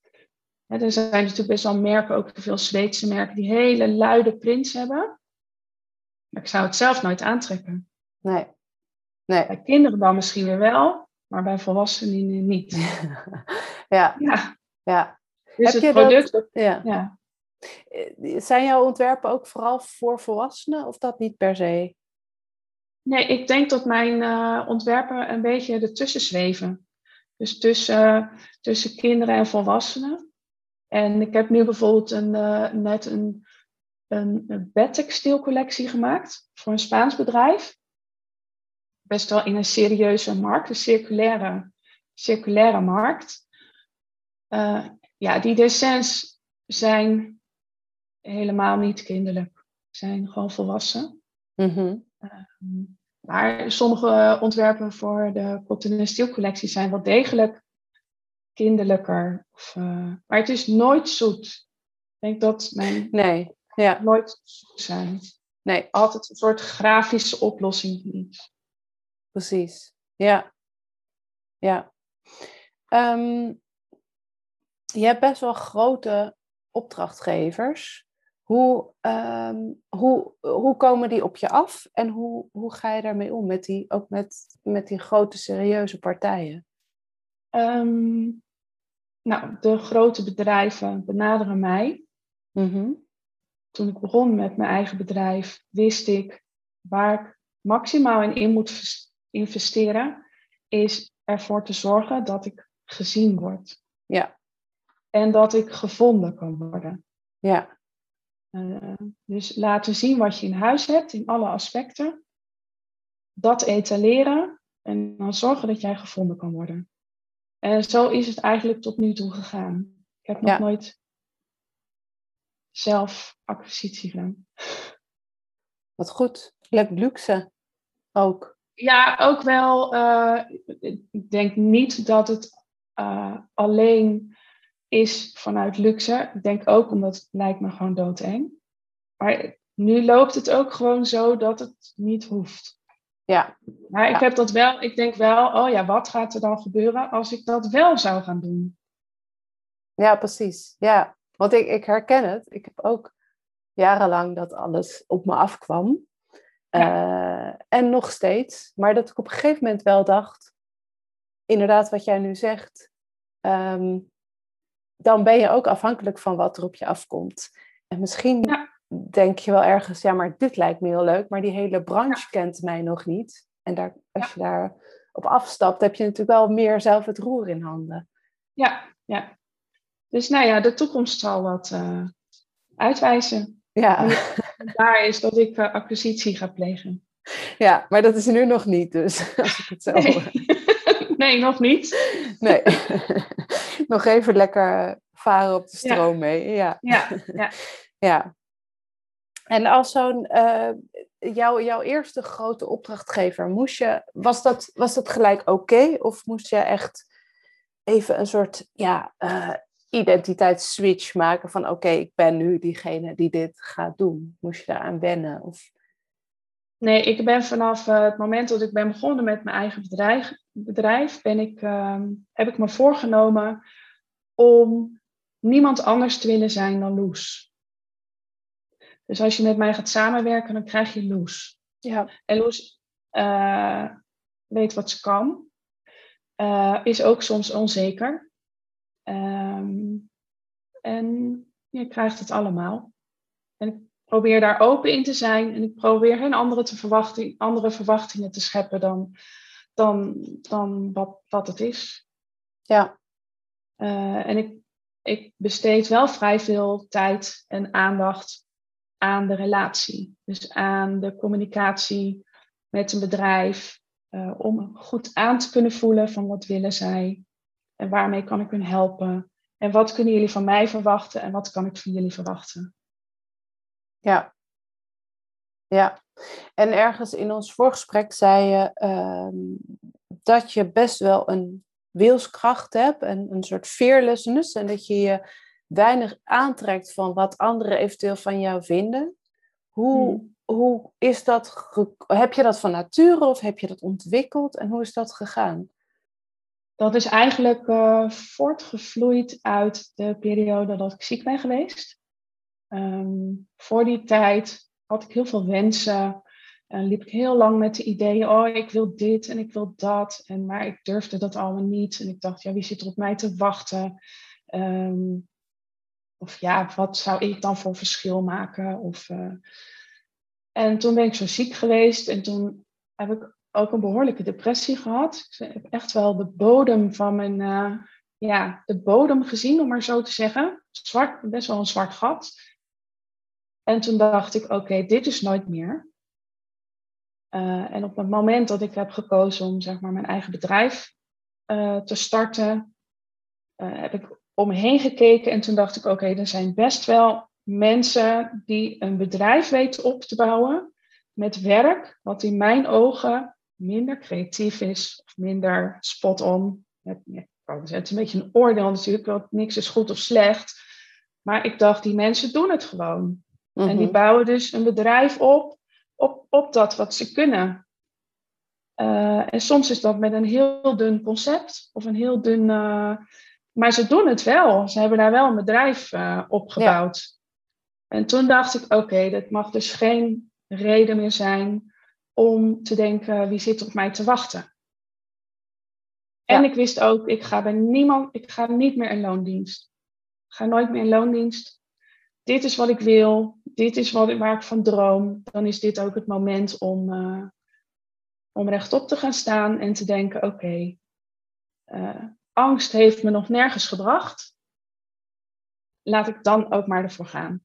Ja. Zonder, zonder angst. Natuurlijk wik en weeg je alles af, continu. Maar uh, ik wil die angst niet meer als een soort uh, uh, kind met me meezeulen. Ja. Die me de hele tijd terugtrekt. Nee. Want hoe als je nu een, iets, iets nieuws wilt gaan doen en je hebt stemmetjes in je hoofd die zeggen wat zullen die en die mensen er wel niet van vinden. Hoe ga je daar dan mee om? Hoe... nou dan parkeer ik ze.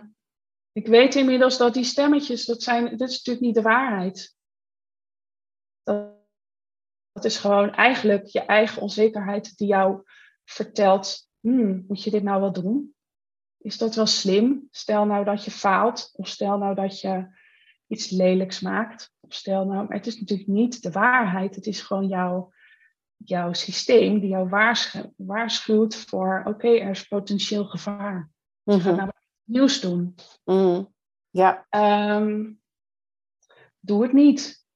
En dan is het oké, ja prima dat ik die stemmetjes hoor, maar ik ga er even niks mee doen. Want het helpt mij niet om daarnaar te luisteren, want dan, dan kom ik geen stap vooruit. Nee.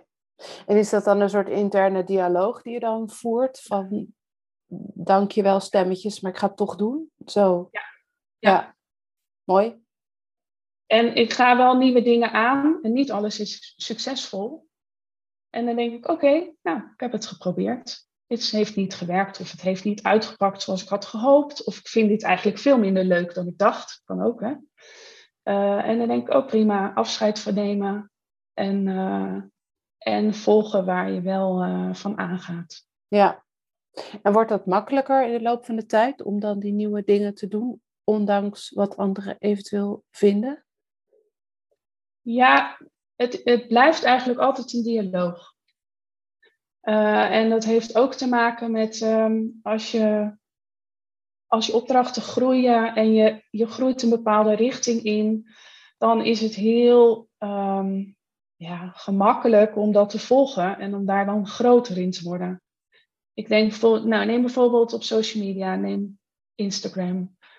Ik weet dat als ik helemaal in het blokprinten was gesprongen, zeg maar, dan had mijn account denk ik twee keer zoveel volgers kunnen hebben. Maar ik wil dat niet.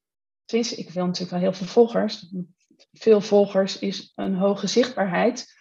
Maar ik wil mezelf presenteren als een veelzijdige uh, vormgever die meer kan dan alleen het blokprinten. Ja, Als jij in een bepaald hoekje gaat zitten, dan word jij straks alleen nog maar gezien als die mevrouw die kan blokprinten. En dat wil ik niet. Dus uh, die dialoog is er eigenlijk continu.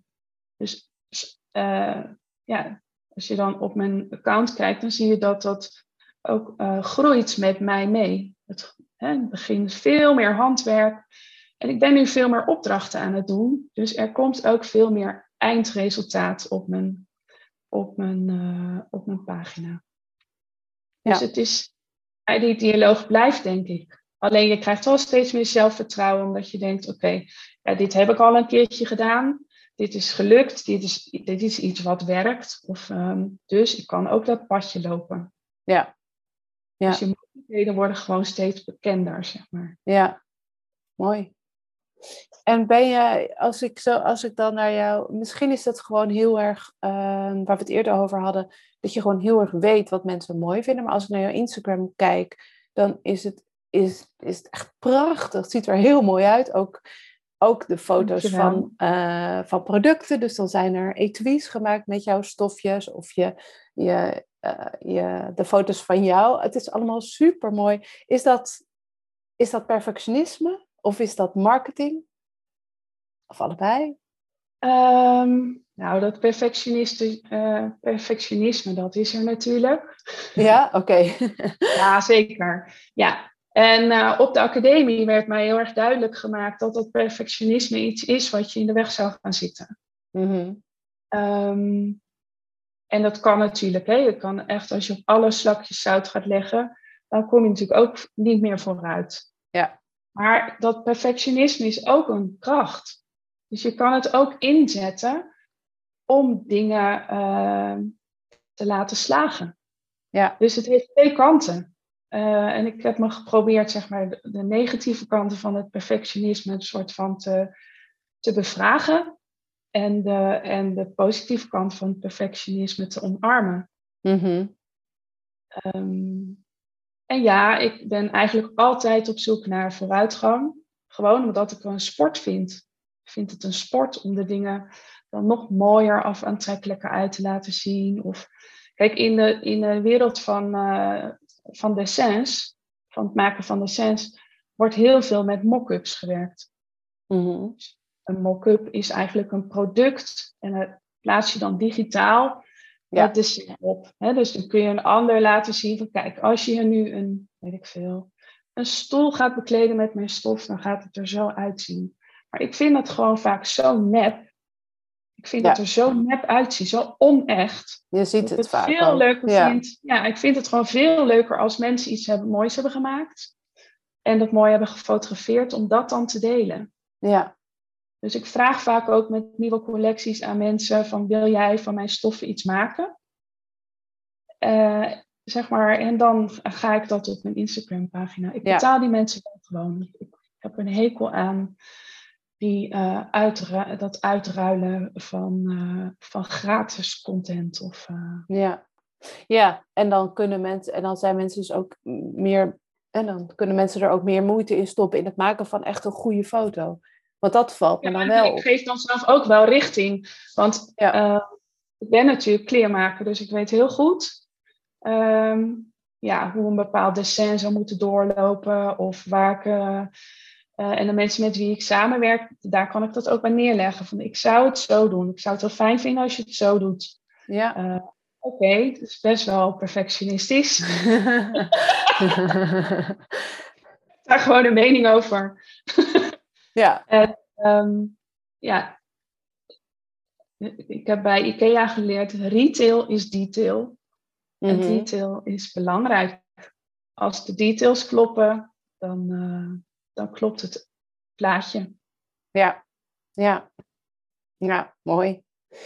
Um, even naar jou, uh, nou, naar, naar hoe jij je, je geld verdient. Um, mm Hoe is jouw inkomen ongeveer verdeeld? Want je hebt je opdrachten, je hebt licenties. Um, hoe, hoe, kan ik dat ongeveer zien? Hoe groot percentage bestaat uit licenties? Of weet je dat een beetje?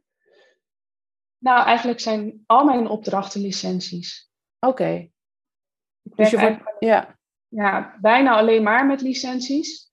Um, alleen het is zeg maar, iedere, iedere licentie heeft, andere, heeft een andere invulling.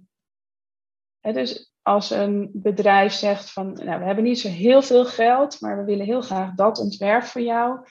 Ehm, dan kan ik zeggen, oké, dan doen we een non-exclusive license. Dus dat is een niet-exclusieve licentie um, voor de duur van twee jaar, zeg maar wat.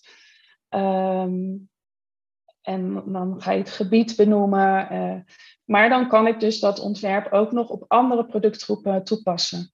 Ja, dus dan kan jij het ontwerp nog een keer verkopen aan een ander. Ja. ja, eigenlijk is een dessin ook niet um, is een blijvend iets.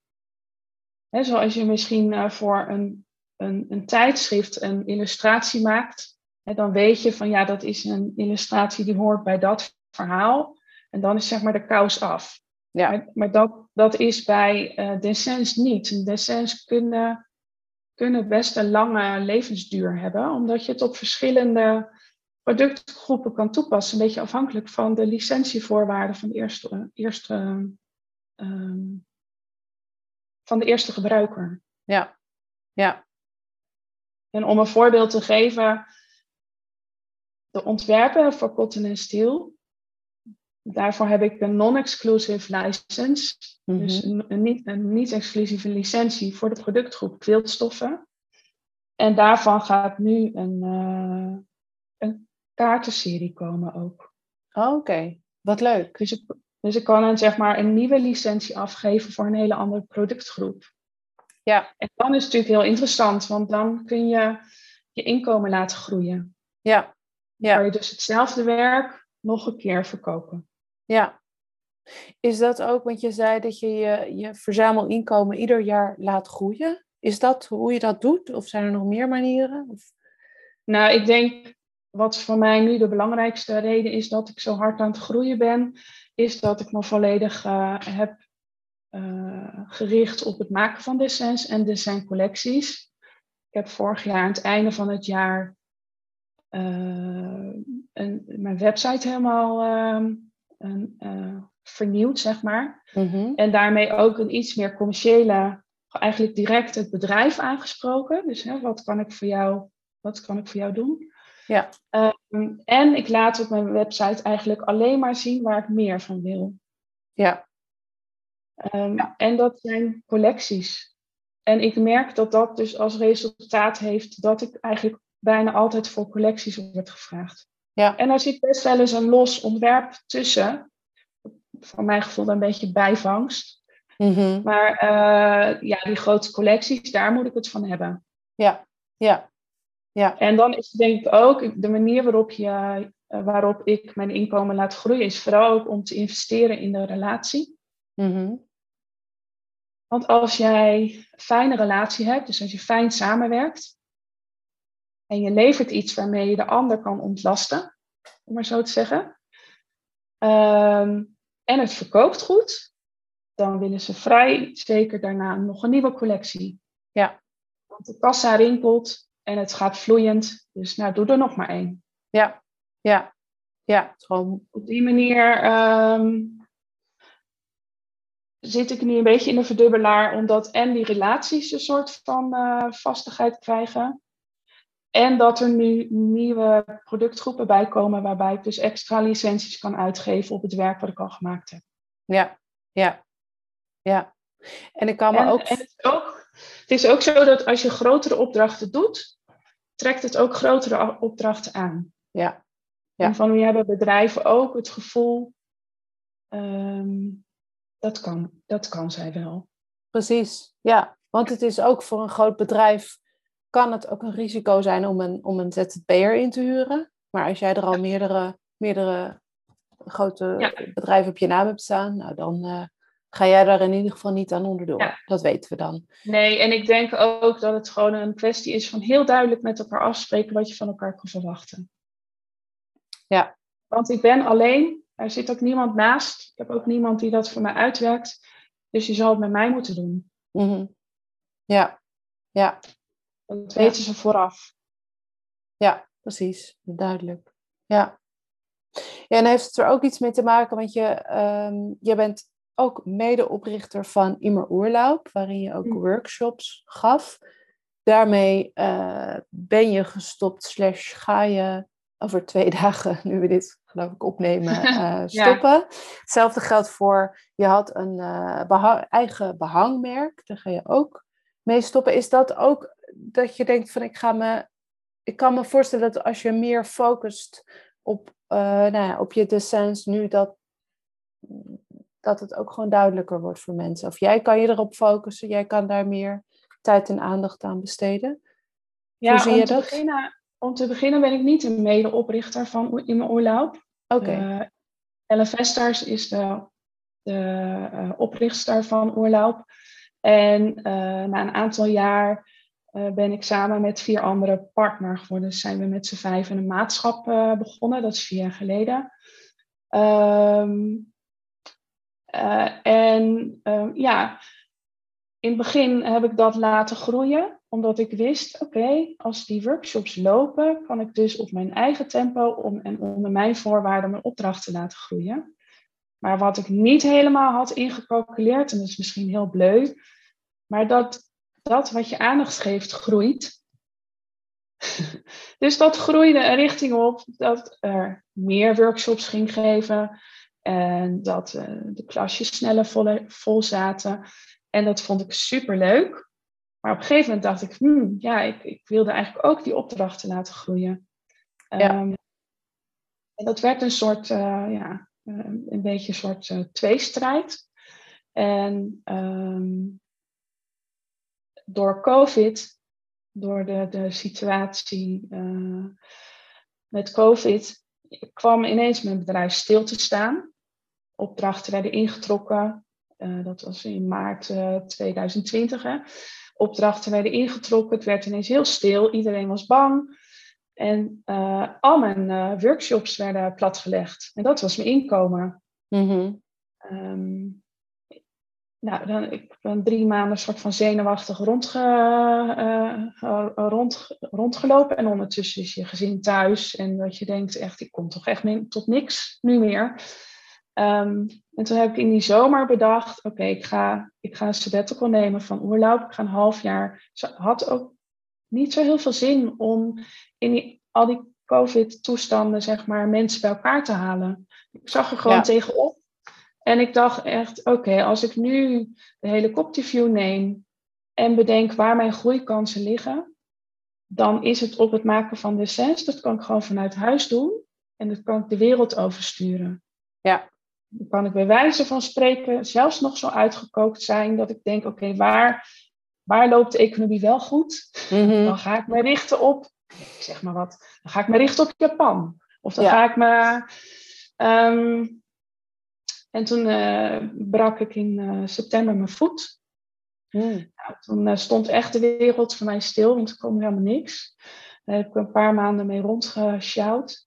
en toen heb ik mijn website een update gegeven. En eigenlijk vanaf november ben ik me volledig gaan richten op het aanbieden van de Sense. En dat is eigenlijk vanaf dat moment heeft het niet meer stilgestaan. Ja.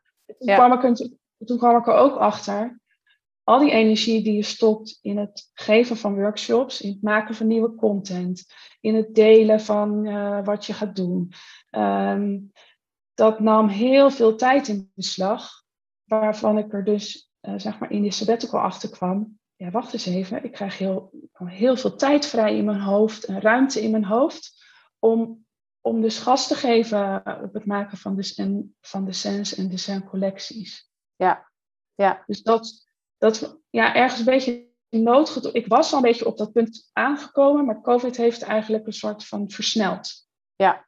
ja. Dus het voelde voor mij ook als een soort logische stap om de oorloop wel te verlaten. Wat ook wel weer verdrietig is. Want het is wel iets waar je hard aan hebt gebouwd. Ehm, en waar ik heel veel plezier heb gehad. Maar ik voel dat dit een richting is die ik moet uh, gaan bewandelen. Precies. Ja. Ja. ja. Ja. Net als toen je bij IKEA wegging. Dat was ook, daar had je fijne collega's. Ja. Um, maar het was wel achteraf een goede stap. En dat, uh, ja. Ja. Ja. Ja. Ja, en, en met, met mijn behang. Um, ik heb mijn behanglijn opgezet met het idee. Ik had een idee sowieso voor een behanglijn. Uh, maar mijn idee was, dan kan ik een eigen inkomstenbron zeg maar, uh, creëren. Uh, met een concept zoals ik dat voor ogen had. En dat heb ik dat heb ik gedaan. Ik heb het hele concept neergezet, van logo tot uh, aan uh, de, de sticker op de doos. Mm. En uh, eigenlijk um, ja, van A tot Z heb ik een jaar aangewerkt. Echt wel keihard aangewerkt. En op het moment dat het stond, um, kwam ik er eigenlijk achter dat ik helemaal geen zin had om het te gaan verkopen. en waarom? Wat, hoe, Vertel. Ik had eigenlijk helemaal geen zin om uh, met iedereen te gaan zitten mailen van oh, ik heb het behang uh, iets te nat geplakt en nou is die gekrompen. En nu, uh, of er is een hoekje dit. Of, en dan liep ik naar de liep ik, liep ik naar het postloket of dan liep ik, dan was ik weer, dan ging ik weer naar de behangboor en dan gaan rollen achter in de auto. En toen dacht ik, wat ben ik eigenlijk aan het doen? Ja, dat wordt zo'n soort fabriekje. Ja, achteraf gezien denk ik dat de grootste motivatie van mij om zo'n behangcollectie uh, neer te zetten eigenlijk is geweest dat ik graag wilde laten zien dat ik een groot concept kan neerzetten en dat ja. van A tot Z kan beheer, uh, beheersen. En aan, aan wie wilde je dat laten zien? Ja, aan mezelf, maar ook aan de wereld. Ja. Ook omdat er zijn, er zijn heel veel beeldmakers Um, en er is natuurlijk ook een enorme concurrentie. En ik wilde laten zien dat ik meer in huis heb dan alleen het maken van beeld. Ja, ja. ja dus eigenlijk je ondernemersstuk. Ja. Daar, daar is dit een, een, een bewijs voor. Of een, hè? Ja, eigenlijk wel. Ja. Ja. En dan, uh, dat was ook redelijk pijnlijk om daar een soort van afscheid van te nemen. Want daar heb ik wel uh, een jaar lang aan gewerkt. En dat is er zeker niet uitgekomen. Nee. Qua verdiensten. Want hoe lang, je hebt er een jaar, jaar lang aan gewerkt. En hoe lang heb je toen nog, is, heeft het daarna gelopen? Ja, ik heb best wel wat behangetjes verkocht.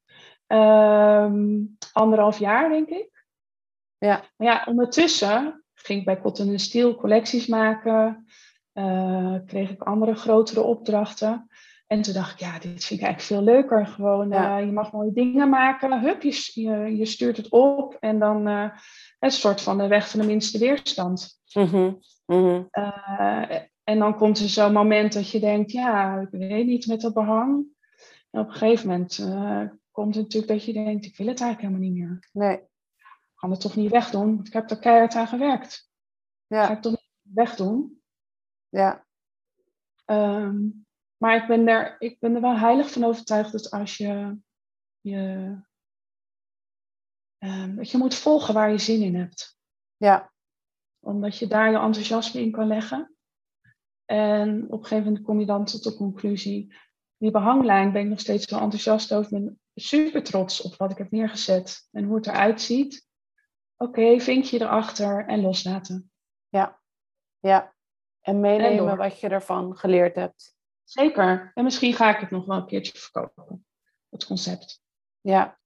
Als iemand geïnteresseerd is. Maar de, daar ligt mijn focus nu niet. Um, nee, vind ik, ik probeer nu echt te volgen waar ik zin in heb. Want daar kan je je enthousiasme indelen. Ja, ja, ja. Mooi. Heb jij, um, heb jij een missie van waar je, waar je de komende tijd, waar wil jij naartoe? Wat wil jij um, uitbreiden? Waar, wat, waar droom je van? Het is een beetje dubbel. Want ergens wil ik niet dromen. Ik wil eigenlijk gewoon in het nu zijn. En kijken wat er op mijn pad komt. En op dat moment denken, oké, ik ga die kant op of ik ga die kant op. Aan de andere kant heb ik natuurlijk best wel wat dingen waarvan ik denk, ja, het zou heel tof zijn als dat nog gaat gebeuren. Maar ik ben daar niet keihard voor aan het werk om dat soort van af te kunnen vinken. Nee. Dus ik heb wel, zeg maar, uh, ik zou het heel leuk vinden om uh, een servies te decoreren. Dus voor, weet ik veel, Arabia of Itala. Uh, dat, zie ik wel een, dat, is wel, dat lijkt me echt helemaal te gek. Mm -hmm. um, of de sens te leveren voor Marimekko. Wat, wat is Marimekko? Dat ja, Marimekko, Marimekko is een Zweeds uh, merk. Volgens mij nemen ze ook alleen maar, uh, of Fins. Scandinavisch, ik weet niet precies uit, uit welk land. Ik denk Finland trouwens. Volgens mij nemen ze alleen maar Finnen aan, ook om te ontwerpen. Goed, dus mm. het is, die droom is waarschijnlijk zeer onrealistisch. Maar ja, zeg nooit nooit. Uh, maar die hebben een soort hele grafische, uh, grafische prints die mij enorm aanspreken. En het is een soort van de holy grail voor mij. Ja. Maar er is zoveel te ontdekken in dit vak. En er zijn zoveel productgroepen die me heel tof lijken. Of uh, uh, ja, voor hetzelfde geld vraagt iemand: kan jij een hele tentoonstellingsruimte beplakken met je descens? Of ja, ik weet het niet. Je kan het zo gek niet bedenken. Of, of dat ik denk: oh, daar ga ik over nadenken. Het lijkt me leuk. Of het lijkt me niet leuk. Mm -hmm. ja. Een beetje wind waait. Ja, je wil in ieder geval nog veel doen. veel verschillende. Ik heb nog heel veel liggen. Ja, ik heb denk, oké, okay, ik kan nog alle kanten op. Ik hoef me ja. echt niet te verzinnen. Nee, nee. Mooi. Als afrondende vraag, zijn er um, tips die jij wil meegeven aan de luisteraars? Um, Dan nee, eigenlijk niet. Nou, nee? nee, eigenlijk niet. Het, het enige wat ik misschien zou kunnen zeggen is probeer te luisteren naar wat je hart je ingeeft. En, en zoek, zoek naar manieren om dat uh, vorm te geven. Ja. Want zoveel mensen, zoveel uh, verschillende manieren. Um, ieder heeft zijn eigen pad te bewandelen, denk ik. Um, dus er is geen, er is geen blauwdruk, voor Nee. mijn gevoel. Nee. Want de formule die voor mij werkt, kan voor een ander helemaal niet werken. Want je bent een, een pakket met uh, ervaringen, uh, kwaliteiten, um, technieken die je beheerst. Je bent een soort pakketje unieke um, elementen die maakt dat jij jij bent. Ik geloof er niet zo in dat het een soort van uh, een blauwdrukje is van oké, als je het zo doet, dan ga je succes hebben. Nee. Nee, nee, nee. Vind je eigen pad, zoek uit, investeer in je eigen handschrift. Investeer in wat jij, wat jij over de bühne wil krijgen. Volg je hart daarin. Ja, mooi. Dankjewel voor dit mooie gesprek. Jij ook, dankjewel. Ik heb helemaal niks aan jou gevraagd, dat erg. dat was, het is een interview, hè? ja, dat weet ik. en dat was het weer. Dankjewel voor het luisteren. In de show notes vind je linkjes naar alle relevante informatie die genoemd is, zoals websites, titels van boeken en natuurlijk de illustraties. Ga naar www.irenececiel.com/podcast en dan Cecile is met C-E-C-I-L-E. En klik op de titel van deze aflevering. En mocht je deze aflevering interessant gevonden hebben, er inspiratie uitgehaald hebben, dan zou ik het heel fijn vinden als je je abonneert op de podcast. Of als je een review achterlaat via iTunes, een screenshot deelt op social media of er gewoon anderen over vertelt. Zo help je mij meer mensen te bereiken. Het kost een paar minuutjes en ik ben je er nu alvast heel dankbaar voor. Super leuk dat je luisterde en tot de volgende keer.